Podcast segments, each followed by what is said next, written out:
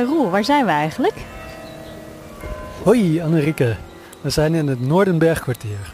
Een buurt in Deventer, in het centrum van Deventer en eigenlijk een oase van rust in een verder uh, best uh, druk en best toeristisch stadshart. En het is een hele charmante buurt omdat je hier allemaal woningen hebt uit verschillende eeuwen die hier vreedzaam naast elkaar staan. Je hebt hier allemaal kruip door sluip door weggetjes, plekken die half besloten zijn, half publiek, half privé. Um, en dat interessante stadsbeeld hebben we te danken aan de sociale geschiedenis, aan de strijd die hier is geleverd. Want in de jaren 70 hebben hier bewoners en oud-bewoners en televisiemakende kunstenaars en architecten schouder aan schouder gestreden om deze buurt te behoeden voor de sloopkogel en voor de bulldozer. En daar gaan we het vandaag over hebben met twee mensen die daar een rol in hebben gespeeld. Een van die architecten, Jim Peters, die toen nog een student was. Student bouwkunde uit Delft. Maar was wel afkomstig uit Deventer overigens. En uh, zijn, uh, zijn partner, Tony Bretsia, die een achtergrond in het welzijnswerk heeft. En die hier vaak mee naartoe kwam met Jim. En toen ze hier naartoe verhuisde, ook actief werd in um, ja, het uh, protestwezen, zou je kunnen zeggen. Dus uh, ja, we gaan nu spreken en ik ben ook blij dat jij erbij bent, Annerieke, want dit is een onderwerp waar jij ook wel raad mee weet. Ja, dat klopt. Ik, uh, ik ben geen Sjoerd deze aflevering. maar ik loop even met jou mee om de microfoons vast te houden. En ben ook echt betrokken bij dit thema. Zet mij uh, in voor bewonersinitiatieven in het hele land. En uh, geloof erg in de democratie van onderaf. En dit is een prachtig voorbeeld uh, die ook erg inspirerend is voor, voor wat er nu gebeurt in de buurt en wijken. Dus um, heel leuk om mee te lopen. En laten, we, laten we die kant op gaan. Ja, we lopen die kant op.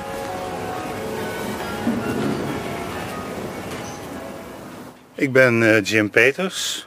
En ik ben betrokken geweest vanaf 1975 bij uh, de wederopbouw van het Noordenbergkwartier. Ik was student in Delft, nog niet afgestudeerd. En uh, ik ontdek, on, ontmoette Willem Smit. Die op dezelfde tijd, eigenlijk een maand eerder hier in het Noordenbergkwartier begonnen was.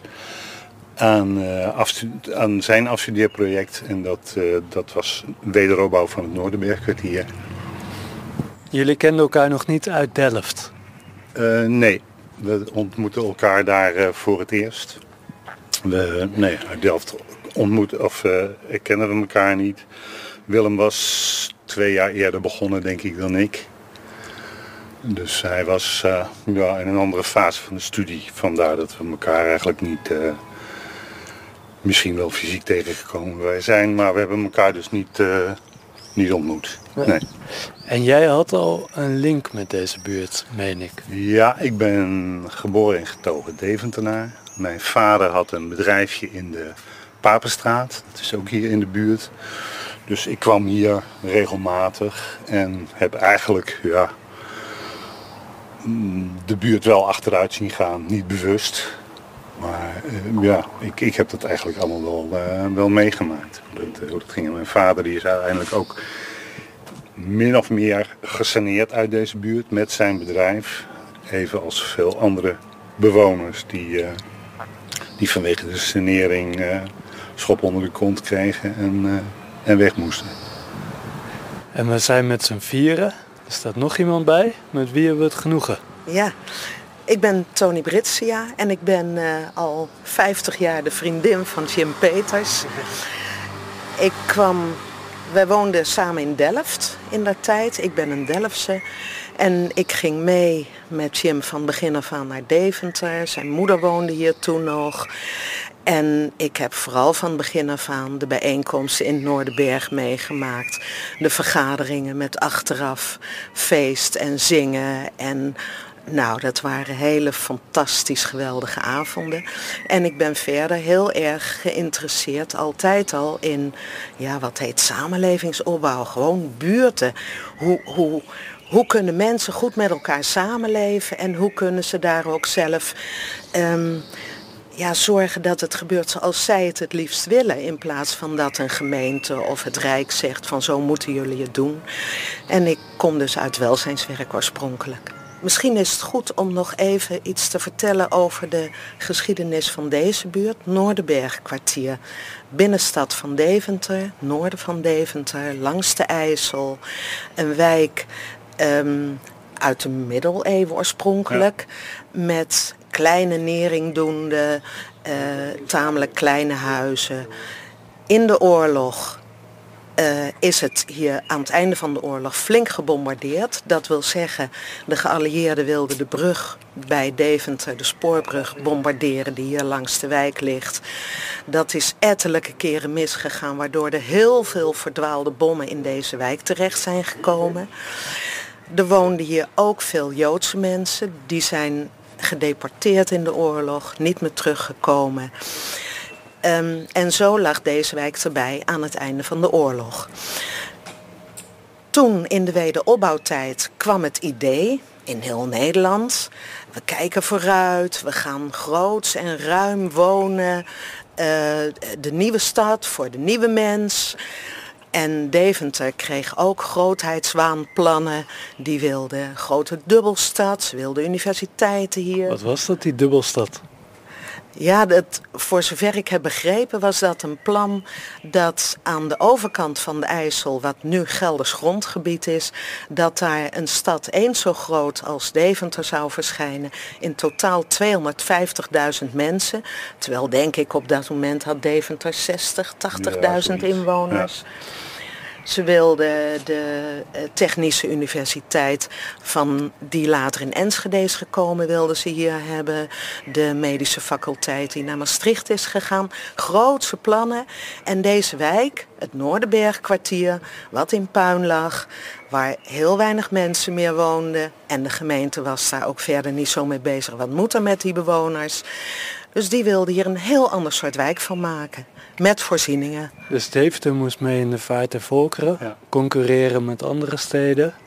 Nou, niet alleen concurreren met andere steden. Er was een andere trend uh, op stedenbouwkundig gebied. Dat was de opkomst van de auto. Daar hebben jullie al eerder een podcast over gemaakt.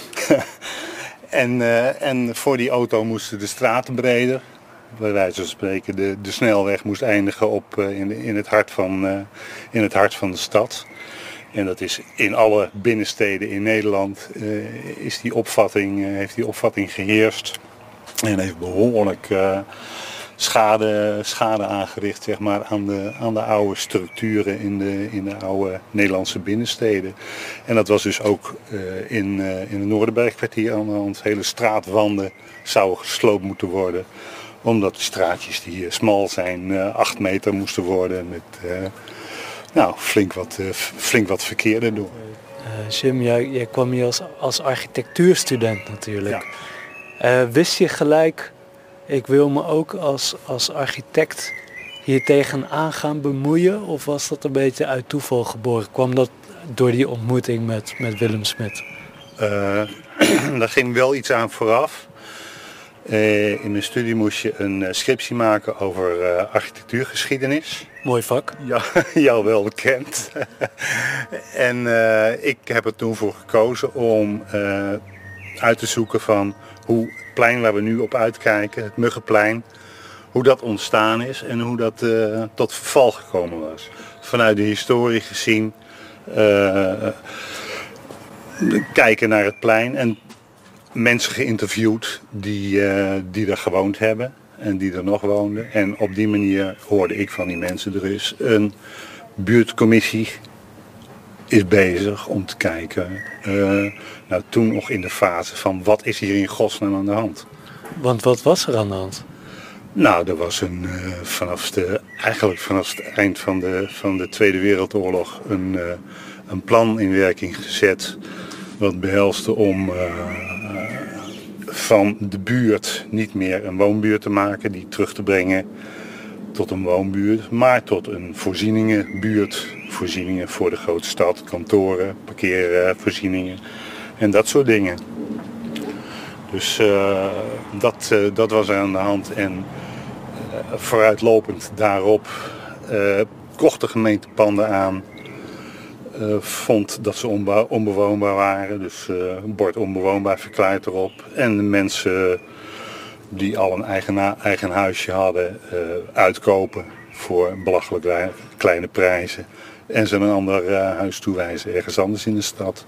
Dus op die manier, ja, als je naast een onbewoonbaar verklaard pand woont, nou, gaat de, gaat, de, gaat de futter wel uit. Dus dat was binnen ja, een verloop van 20 jaar is die buurt hier verkrot. Ik weet niet of je de foto's gezien hebt van rond 1975, eh, maar dat was echt een, uh, een grote bouwval. Ja, hoe zag het er hier uit als we hier bijvoorbeeld hier hadden gestaan in die tijd? Wat hadden we dan gezien? Uh, deze huizen stonden er niet. Daarvoor heeft er een politiebureau gestaan en ook dat stond er in 1975 nog niet. Dat was dus kaalslag gepleegd hier voor het politiebureau. Dus er was al een enorm gat hier in de, in de, in de buurt. De huizen waar we hier tegenover tegen, tegenaan kijken waren allemaal dichtgetimmerd. Er woonde niemand meer. Nu zou je denken hele mooie huizen. Ja, maar toen uh, ja, waren ze rijp voor de sloop en was het ook de intentie van de gemeente om een groot deel van die panden te slopen. Dus dat, uh, ja, dat wilde de buurt niet. Wat de buurt in eerste instantie wilde was... die uh, gemeente is hier een politiebureau aan het bouwen. dan kunnen ze ook weer woningen bouwen. En als er woningen komen, dan willen wij weer terug. Want wij zijn hier uitgejaagd en uh, nou, we willen gewoon weer terug. En dat is altijd het uitgangspunt geweest van de mensen die zich, uh, die zich verenigd hebben tot, tot de buurtcommissie in eerste instantie. Van wij willen terug uh, op, ons, uh, op ons oude plekje in, onze oude wijk. En die wijk willen wij herstellen als woonwijk. Even de mensen die er toen bij elkaar waren. Willem van Essen, de paardenslager. Uh, Wouter Spitsers, bewoner in de wijk. Niet een oorspronkelijke Noorderberger. Zelfs geen oorspronkelijke Deventenaar, denk ik. Maar met een vlijmscherpe pen. En Jan Nijenhuis, timmerman, die woonde in de buurt en die zag die verkrotting om zich heen. Uh, oud vakbondsman. En die was gewend om de, um, ja, hoe moet ik het zeggen, om de politiek, om de machthebbers te wantrouwen. En dat had Wouter Spitsers ook diep in zich. En Willem van Essen had dat tot schade en schande zelf ervaren. Die drie. Buurtcommissie, toen zeiden de mensen van de KOD, de twee die ik noemde, Pim en Jacqueline. Dat is die, die kabelomroep Ja, de kabelomroep Deventer. Die zeiden wij helpen jullie, we willen jullie bijstaan met onze middelen, met televisie, met filmpjes maken, met foto's, met themaochtenden. Uh, Willem was erbij en een maand later dus ook Jim. Dus dat was de oorspronkelijke mix van mensen die het ook nog eens goed met elkaar konden vinden.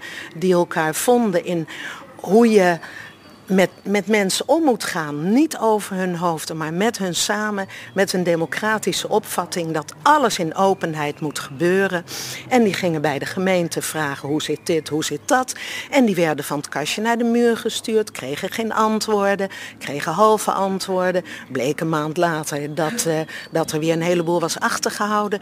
Dus zo hebben ze zich er echt in vastgebeten. Ze waren allemaal meer overtuigd van hier wordt heel groot onrecht gedaan. En dat was dus een mix van uh, lokale corriveeën, die paardenslager, uh, maar ook uh, docenten van de AKI, dus kunstenaars, kunstdocenten, architecten, timmerman. Een bijzondere mix. Hele bijzondere mix, maar ja, het werkte als een tierenlier. En wat ze ook nog hadden is um, dat ze ook weer voor zover mogelijk het buurtgevoel weer terug wilden geven. Dus alles ging in openheid. Er was voortdurend uh, een soort van ledenvergadering. Ze waren geen vereniging, maar iedereen kwam dan. Dat klinkt als de jaren zeventig. Ja. Er is voortdurend een soort van ledenvergadering. Maar wat het mooie was, dat na afloop van dat uurtje ledenvergadering... waarin zij vertelden wat ze gedaan hadden en hoe het ervoor stond...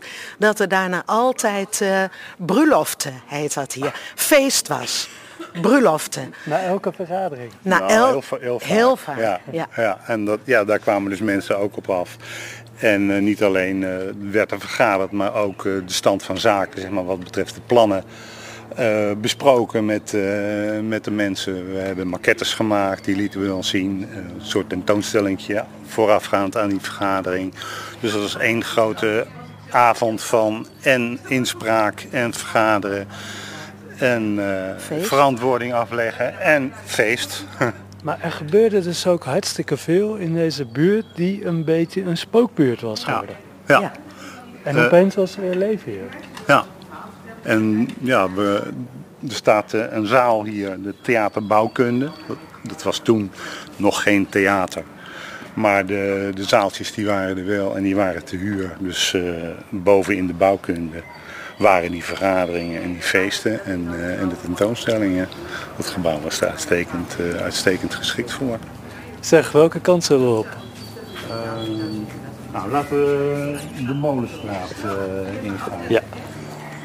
Kijk, en nu Nu komen lopen dus- we al tussen wat, wat nieuwbouwblokjes. Ja, dit zijn eh, nieuwbouwblokjes. Eh, wat wij ook in het plan gedaan hebben is eh, zeg maar de vraag, de acute vraag eh, die er was naar woningen, grote en kleine.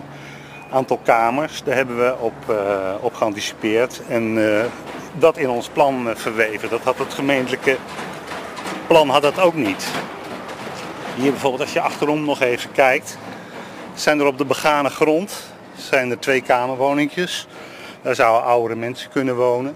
En daarboven, eh nou zeg maar maisonnettes, gezinswoningen met, een, eh, met twee verdiepingen. Eerste verdieping woonkamer, keuken en daarboven slaapkamers. Drie slaapkamers en daar konden gezinnen in wonen. Wat ook nog eh, mogelijk zou zijn is een combinatie van grootouders en, en, en kinderen met een gezin. dat, is, dat, dat is ook wel geweest. Want eigenlijk onmiddellijk dat duidelijk werd dat wij met, met die plannen bezig waren, eh, is er ook een vraag geweest van wie willen er terug? Er is een enquête geweest van wie willen er terug en nou, wat, voor, eh, wat voor woning heb je nodig? Heb je één slaapkamer nodig? Heb je er drie nodig? Heb je er vier nodig? En wie wilde er terug? Was daar een grote behoefte aan? Ja, dat was, eh, het was een, grote, een grote wachtlijst zeg maar voor. eh, en daar hebben dus mensen vier jaar moeten wachten werkelijk om. En ook eh, daardoor was hun betrokkenheid natuurlijk ook, eh, ook ontzettend. Het idee van, eh, nou, we kunnen mogelijk weer terug in de wijk. Maar dat heeft vier jaar lang altijd maar op, op de wip gezeten. Kan het wel, kan het niet. Het is echt voor hun ook een, ja, een slijtageslag geweest. Maar uiteindelijk is het dus wel, is het dus wel gelukt. En als een gemeente zoiets ontwerpt of een, een corporatie, dan, dan wordt er een soort formule bedacht. Ah ja, we hebben zoveel eensgezinswoningen nodig en die gaan we daar stapelen en daar doen we dit en daar doen we dat. Maar dit kwam echt voort uit een enquête. Ja. Wie wil er terug? Ja. Wat voor woning? Waar heb je Ja. behoefte aan? Wat kan je betalen? Ja, ja precies. En dat, eh, die plannen legden we dus ook voor aan, eh, aan de bewoners met eh, tekeningen, maar ook met maquettes, kleine maquettetjes die uit elkaar konden. Dan kon je precies zien eh, hoe de kamertjes eh, in elkaar zaten, hoe het werkte. En dat, eh, nou, op die manier hebben we dus... Was dat belangrijk? Soort communicatie, transparante communicatie over wat het gaat worden en dat je dat soort middelen hebt om dat zo duidelijk mogelijk te maken? Ik denk het wel. Als mensen niet weten wat ze kiezen, als ze een tekening voor de neus krijgen die ze niet kunnen lezen, dan, eh, ja, dan moet je eh, op je blauwe ogen geloven van nou, wat die jongen zegt, eh, die heeft een goed verhaal, dat geloof ik wel. Maar ja, wij wilden dat dus wel ook dat het voor die mensen ook een bewuste keuze was.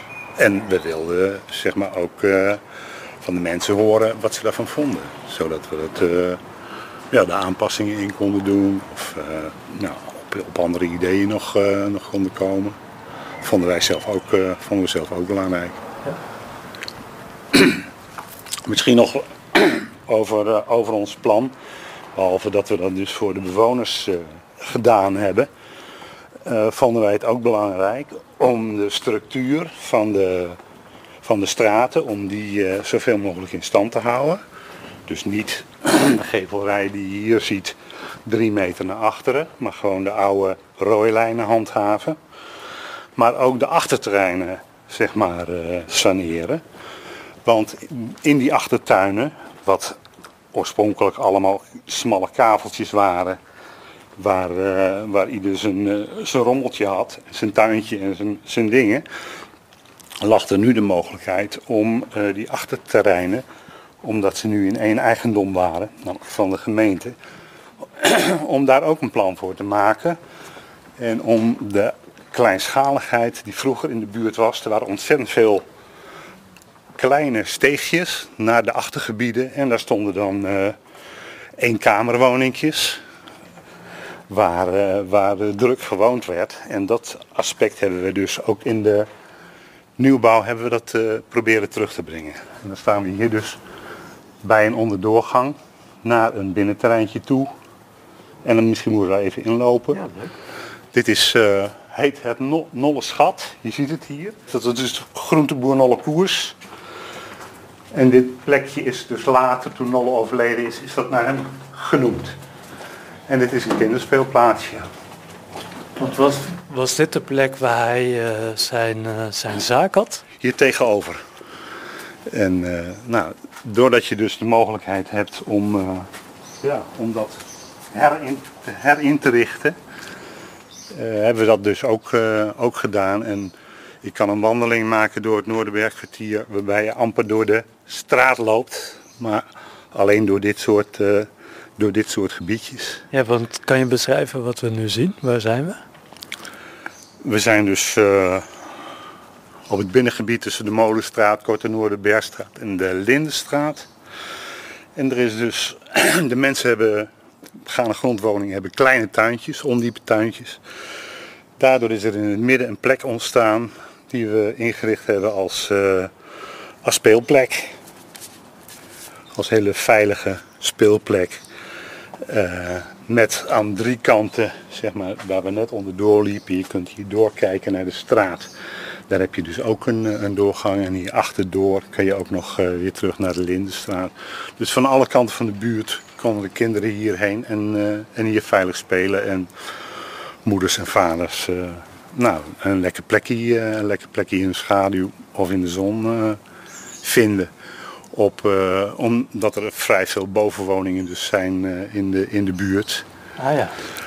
Vonden we, dat, vonden we dat belangrijk. Overigens hebben wel alle bovenwoningen een, uh, een balkonnetje buiten. Dus dat ja. kan je daar zien, aan de keuken. En aan de voorkant ook altijd een buitenplekje. Ja. We vonden het belangrijk dat je aan beide kanten van het huis een buitenplek hebt. Dat je in de zon zittend, op je stoeltje, je krantje kan lezen. Ja, ja dit is dus echt een, een besloten plek, hè? Een soort, ja. een soort uh, ravijntje tussen de blokjes. Ja. Met een speelplaatje en een tribune waar mensen kunnen zitten. En het ja. geluid is ook anders. Je hoort vogels. Hoort vogels. Er staan ja. mooie bomen. Ja.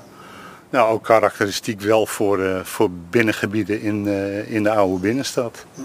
Waar vaak hele verrassend grote en mooie tuinen staan, zijn en grote bomen staan. En dat wilden we wel weer graag, uh, graag terugbrengen. En ook een soort ja, een soort route maken tussen die, uh, tussen die plekken. Ja. Misschien dat we hier door kunnen lopen. Toen wij hier dus de nieuwbouw uh, realiseerden, was alles wat er naast stond aan bestaande bebouwing, stond allemaal leeg. Er was één pand waar uh, Nolle Koers in zat. En er was één pand van Oldhof, dat was de, de doodgraver, de je, je wijst, doodskistenfabriek. Je wijst nu? Uh, op de bestaande bebouwing die inmiddels allemaal uh, opgeknapt is. Maar ten tijde van dat we hier aan het bouwen waren, lag dat dus allemaal nog in puin. Was dichtgetimmerd. Ongelooflijk. Dus het was echt heel, heel maf. Toen, waren, toen was er al wel uh, zicht op, uh, op het renoveren, restaureren van de, van de oude bebouwing.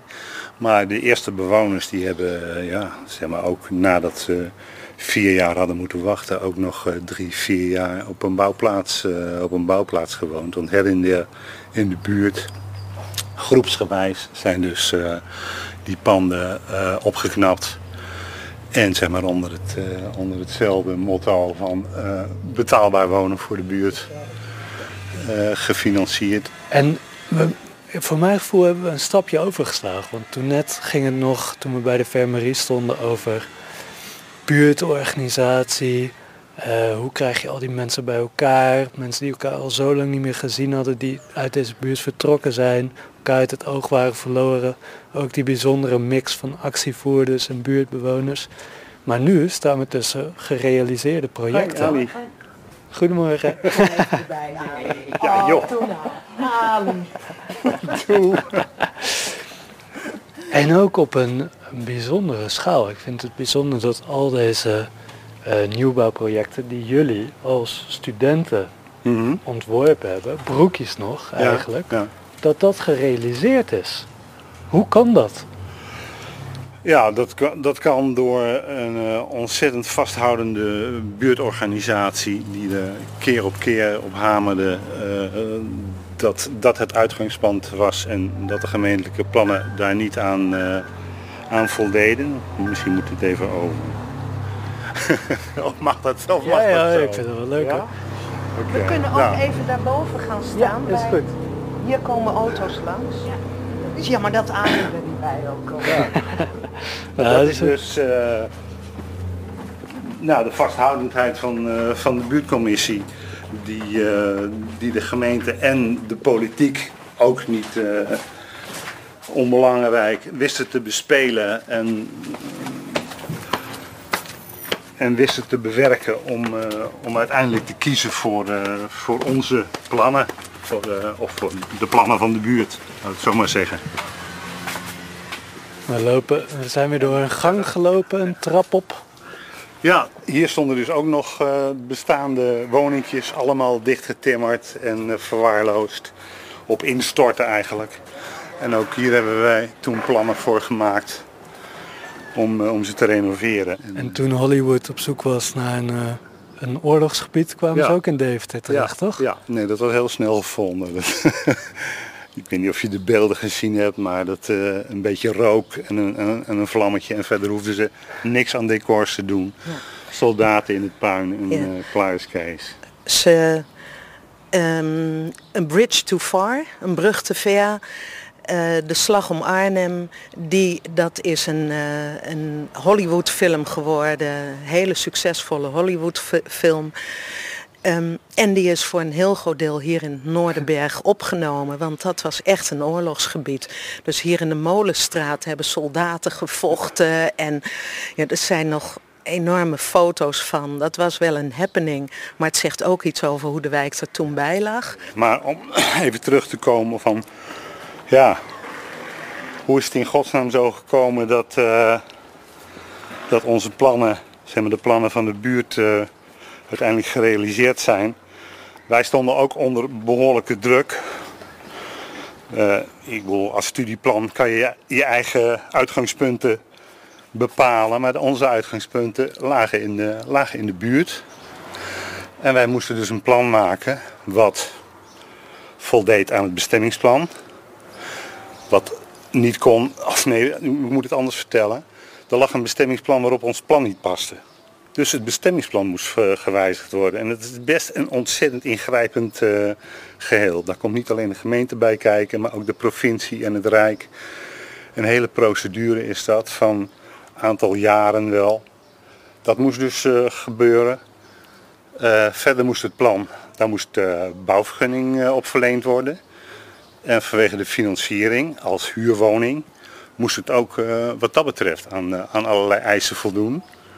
En eh, nou, dat, daar hebben wij dus allemaal eh, ja, ons in, in moeten werken, want dat leer je dus niet op school. Dan mag je mooie plannen bedenken en je eigen uitgangspunten formuleren. Dat hebben wij dus ons eigen gemaakt zeg maar, in, die, eh, in die tijd. En we hebben ervoor gezorgd dat al dat soort aspecten van, van plangoedkeuring, dat we daar ja, een, tien, een tien voor kregen, zeg maar. Hè? En dat is, eh, dat is uiteindelijk ook gelukt. En later bleek dat eh, de gemeentelijke plannen daar dus niet helemaal aan voldeden. dat was een addertje onder het gras wat wij toen niet vermoeden. Maar dat was een onderdeel van waarom de gemeente niet al de, hun nieuwbouw zeg maar, eh, gerealiseerd had gekregen. Dus jullie moesten bijna als soort invechters roomser zijn dan de paus. die uitdruk klopt hier niet helemaal. Nee, maar maar het- jullie deden je huiswerk nog beter dan de gemeente zelf. ja, ja, maar dat moesten we ook wel. Want ja, maakten wij een, een fout of, eh, of een misser, dan konden we daarop afgeserveerd worden. En dat, ja, dat wilden we natuurlijk niet. En jullie waren toen twintigers. Ja, ja. Ongelooflijk.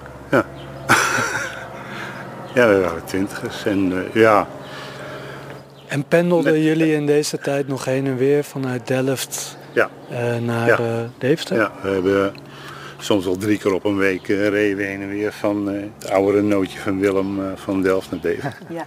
En Tony, zat je altijd achterin dat Renaultje? Nee, nee, nee. Ik zat er alleen maar in als er van die soort ledenvergaderingen met bruiloften na. Dat vooral.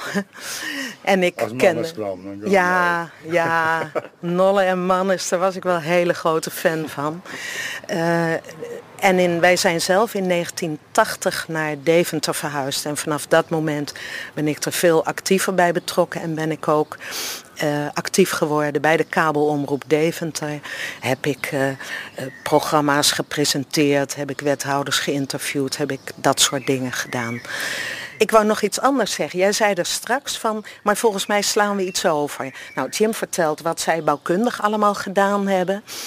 Ik denk zelf dat er nog, eh, nog een aspect was wat we echt niet moeten onderschatten als het erom gaat dat bewoners de buurt krijgen die zij zelf willen dat die krijgt.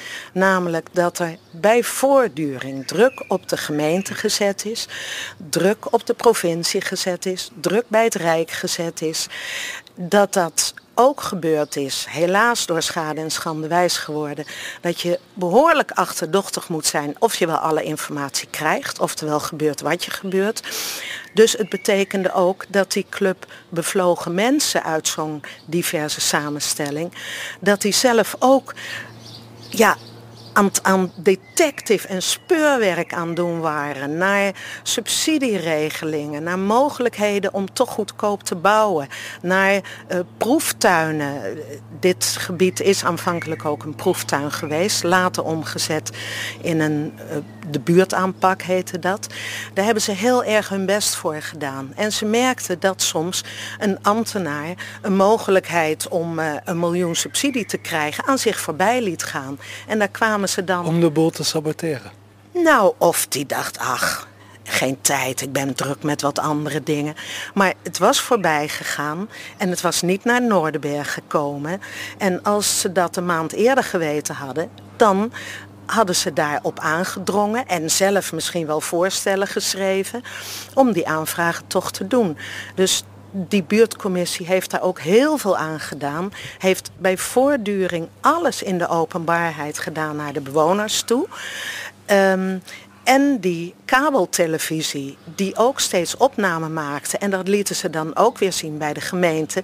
Dus eh, de stem van de bewoners zelf is ook heel prominent bij voortduring in beeld geweest. Tot irritatie toe bij politiek en bij ambtenaren. Er waren toen veel ambtenaren die ook echt waren van eh, eh, nieuwe woningen voor de nieuwe mens. En die al die inspraak, ja, je mag de kleur van je tegeltjes in je badkamer mag je over beslissen. En wat voor bel je op je voordeur hebt. Maar dit soort inspraak hadden ze helemaal geen zin in. Dat vonden ze lastig, dat wilden ze niet. Binnen de raad waren er al maar meer stemmen die opgingen. Ja, wordt dat Noorderbergkwartier niet te veel bevoordeeld? Eh, worden ze niet voorgetrokken? Er zijn nog veel andere wijken ook. Ja, ze hebben nou wel genoeg gehad. Ja, ze moeten niet zo hoog van de toren blazen. Achter de schermen werd wel gezegd dat stelletje communisten. Nou, het waren echt geen communisten. Maar ze lieten zich nooit aan geen enkele politieke partij linken. Dus ze waren kritisch op iedereen. Want dit, het, dit klinkt als eh, in, in deze tijd zou meer het gevecht zijn eh, eh, tegen de markt en de gemeente die allemaal marktpartijen naar binnen probeert te hengelen, grote projectontwikkelaars. Maar hier, dit was een sociaal-democratische stad. Die plannen voor de dubbelstad, voor het saneren van deze buurt, slopen en nieuwbouw, het wegpesten van mensen, dat gebeurde allemaal door een democratisch stadsbestuur of een sociaal-democratisch stadsbestuur. Ja, vanuit de uh, opvatting die in die tijd, we hebben het eind 60 begin 70 jaren, uh, vanuit de opvatting van die tijd, uh, dat we naar de nieuwe mens toe gingen, de maakbare samenleving. Alles ging plat en werd opnieuw opgebouwd. En gek genoeg heeft de Noorderbergkwartier daar achteraf ook wel een beetje baat bij gehad dat het zo lang, dat het zo lang tegen zat dat deze wijk jarenlang in de verkrotting gestaan heeft, waardoor er nog wat op te bouwen viel. Want heel veel andere wijken in Nederland zijn volkomen plat gegaan. En hier net niet. Dus die zaten net op die omslag. En op een gegeven moment kwamen daar uh, ook ambtenaren die ook, die ook zelf uit die, uit die school kwamen. Van inspraak en naar bewoners luisteren. Um, nou, er is in die tijd ook een, min of meer een omslag geweest van de traditionele sociaal-democratische uh, regenten naar de wat progressievere mensen. Onder andere Safe Moester was uh, toen wethouder openbaar werken en die bemoeide zich ook met het Noorderbergkwartier. En uh, toeval wilde dat het Safe Moester hier in het Noorderbergkwartier gewoond had. En toen die de oude dames van het Muggenplein weer, weer tegenkwam, toen werd het toch ook wel heel sentimenteel. Want Safe Moester die had nog bij die dametjes op schoot gezeten als klein, als klein jongetje. Dus hij, voel, hij voelde dat ook wel buiten zijn, uh, zijn sociaal-democratische besef wat er, uh, wat er aan de hand was. En nou, dat hebben, heel, dat hebben veel meer bestuurders gehad. Het besef dat, uh, dat die sanering toch wel heel hard en ja, meedogenloos uh, heeft toegeslagen. Zo beste luisteraar, dit was het einde van de eerste aflevering. Volgende week publiceren we deel 2. Nog een kleine voetnoot bij dit alles. Uh, er zijn heel veel mensen betrokken geweest bij uh, het redden van Noorderbergkwartier. Tony en Jim hebben in het interview geprobeerd recht te doen aan al die uh, prachtige kleurrijke figuren. Uh, maar voor zover die niet de montage hebben gehaald en u wel interesseren, raden we u aan om het boek Handel Dapper te lezen. Um, volgende week gaan we verder met de wandeling waar we gebleven waren. En zullen we ook bespreken hoe deze interessante historische casus ons iets kan leren over buurtinitiatieven en democratie van onderaf in het heden. Bedankt voor het luisteren en tot volgende week. Doei!